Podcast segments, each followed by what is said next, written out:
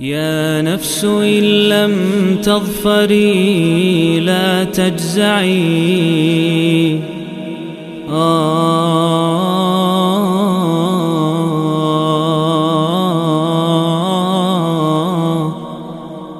Bismillahirrahmanirrahim Alhamdulillah Wassalatu wassalamu ala rasulillahi amma ba'd Para hadirin yang dirahmati Allah Ini adalah hari ke-65 membahas surat demi surat dari 114 surat Al-Quran di mana kita sekarang di surat ke-65 surat At-Talaq. Surat At-Talaq merupakan surat Madaniyah, turun setelah surat Al-Insan dan turun sebelum surat Al-Bayyinah. Surat yang terdiri dari 12 ayat ini disebut dengan At-Talaq yang artinya adalah perceraian diambil dari ayat yang pertama surat ini di mana Allah Subhanahu wa taala firmankan ya ayuhan nabiyyu idza talaqtumun nisaa fatalliquhunna li'iddatihinna wa ahsul iddah wahai Nabi Muhammad jika kalian jadi ngajak bicara pertama ke Nabi Muhammad, kemudian ke kalian karena hukumnya berlaku juga bagi orang-orang beriman. Atau kalian di sini tum ini Nabi sendiri sebagai bentuk penghormatan. Nabi tidak dikatakan anta tapi antum kalian. Ta'zim. Yang pada akhirnya juga umat Islam mengikuti Nabi SAW secara default dalam setiap hukum-hukum keislaman, kecuali yang dikecualikan dan itu sedikit, sangat sedikit. Kata Allah, "Fatalliquhunna li'iddatihinna wa asl iddah." Ceraikanlah mereka ya menjelang atau sebelum masuk indahnya. Ya, ketika menghadapi indahnya di masa suci sebelum uh, dukhul di masa suci tersebut. Dan ini tolak yang sunnah dan rincian ada di fikih. Wa asul iddah dan hitunglah masa iddah tersebut. Iddah ini masa uh, setelah terjadi perceraian ada masa ya bisa dianggap masa berfikirnya si suami ya ada tenggat waktu tertentu tidak langsung otomatis terpisahkan mereka. Masih bisa suami merujuk ya, kembali balikan kepada istrinya tanpa perlu membuat akad nikah yang baru. Demikian dan rinciannya di fikih. Tapi poin besarnya adalah bahwa surat ini di awalnya itu sudah membahas tentang perceraian dan memang tema besar dari surat ini adalah takwa, menjaga keutuhan keluarga dan masyarakat. Takwa menjaga keutuhan keluarga dan masyarakat. Bagaimana bisa demikian? Kita akan simak. Allah Subhanahu wa taala pertama di sini tekankan tentang masalah keluarga dan pada dasarnya Islam itu menganggap pernikahan sebagai mitsaqan ghalidha, perjanjian yang sangat kokoh dan termasuk di antara hal-hal yang kita bisa saksikan dalam fikih adalah usaha keras untuk menjaga keutuhan keluarga meskipun sekali lagi dalam kondisi-kondisi yang jarang terjadi atau langka, yaitu bisa jadi perceraian lebih baik. Tapi pun itu pada akhirnya perceraian yang secara perspektif fikih dalam kondisi yang langka tersebut lebih baik.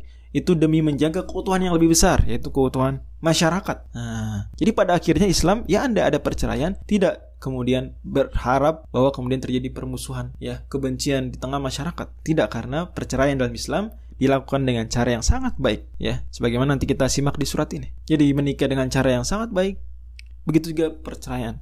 Secara Islam diatur sedemikian rupa agar terjadinya pun dengan cara yang baik dan sebagaimana menikah ingin mencari ridho Allah pun andai dalam kondisi yang langka tadi ingin bercerai pun ikuti aturan Allah sehingga demi mencapai ridho Allah juga. Dan itu efeknya pada akhirnya makro. Ya mungkin secara mikro nampak terlihat seperti bercerai dua atau sepasang suami istri ini tetapi efek makronya besar yaitu menjaga keutuhan masyarakat ya.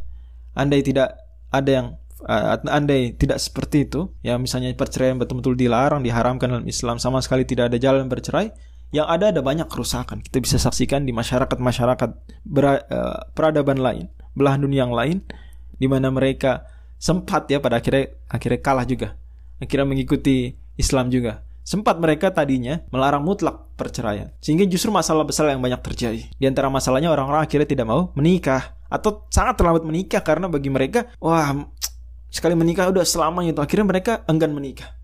Dan enggan menikah menimbulkan masalah besar. Di antara masalah yang muncul adalah bahwa banyak. Ya intinya adalah siapa yang ingin mencari petunjuk. Selain petunjuk yang Tuhan yang Maha Pengasih, Maha Penyayang berikan, siapa yang mau cari jalan aturan? Selain aturan yang diberikan oleh Tuhan yang Maha Adil, Maha Bijaksana, Maha Mengetahui, pastilah dia akan sengsara. Itu saja sederhananya. Rinciannya di pembahasan lain. Nah, Allah Subhanahu wa taala tutup ayat-ayat di awal-awal surat ini dengan pesan-pesan takwa. Misalnya Allah Subhanahu wa taala firmankan di ayat yang pertama tentang tilka hududullah. Itulah batasan-batasan Allah. Wa may yata'adda hududallahi faqad dzalama nafsah. Siapa yang melanggar batasan-batasan Allah berarti kan tidak bertakwa, maka dia telah menzalimi dirinya sendiri. La tadri la'allallahi yudhithu ba'da Di ayat kedua Allah Subhanahu wa taala tekankan lagi tentang takwa Kata Allah Subhanahu wa taala, "Wa may yattaqillaha yaj'al lahu makhraja."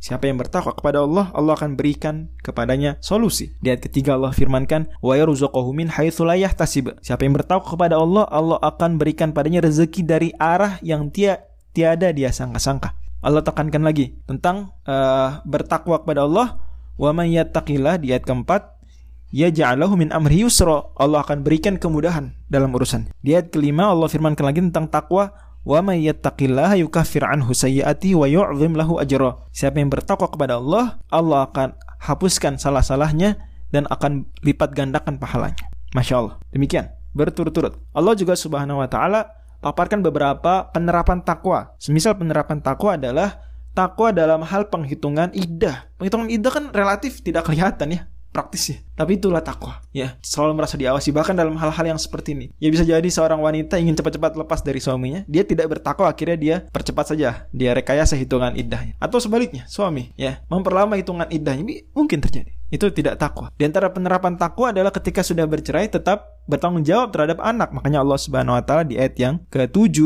ya dan juga di ayat ke-6 juga itu berikan arahan kepada para suami agar tetap memberikan tempat tinggal pada istrinya ketika memang dia berhak untuk dapat tempat tinggal sesuai aturan fikih.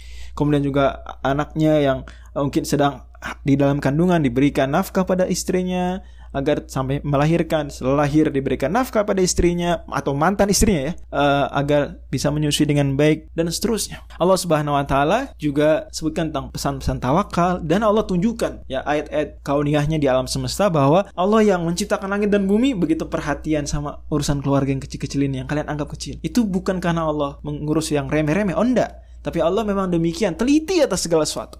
Allah sayang Allah penyayang pengasih maka kalian merasa diperhatikan Allah ternyata yang menciptakan langit dan bumi tujuh langit ya. Tujuh bumi di ayat ke-12 Allah lagi khalaqa sab'a samawati wa minal begitu perhatian sama keluarga. Allah kokoh menjaga alam semesta begitu juga Allah menginginkan kalian yuk turut kita menjaga kekokohan keluarga kekokohan masyarakat dengan takwa. Wallahu a'lam